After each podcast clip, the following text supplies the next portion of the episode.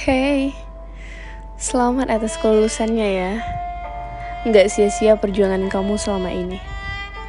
Aku bangga banget ngeliat kamu lolos. Apalagi kamu waktu itu masuk 10 besar.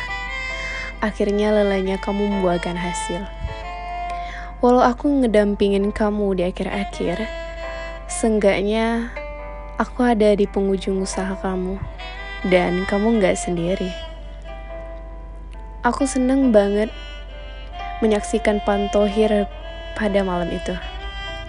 Walau selesainya lama banget dan capek, tapi semuanya terbayarkan dengan kelulusannya kamu. Semoga kamu bisa jadi abdi negara yang amanah. Nggak jadi orang yang sombong, walau kamu udah sukses. Tetap jadi seseorang yang aku kenal.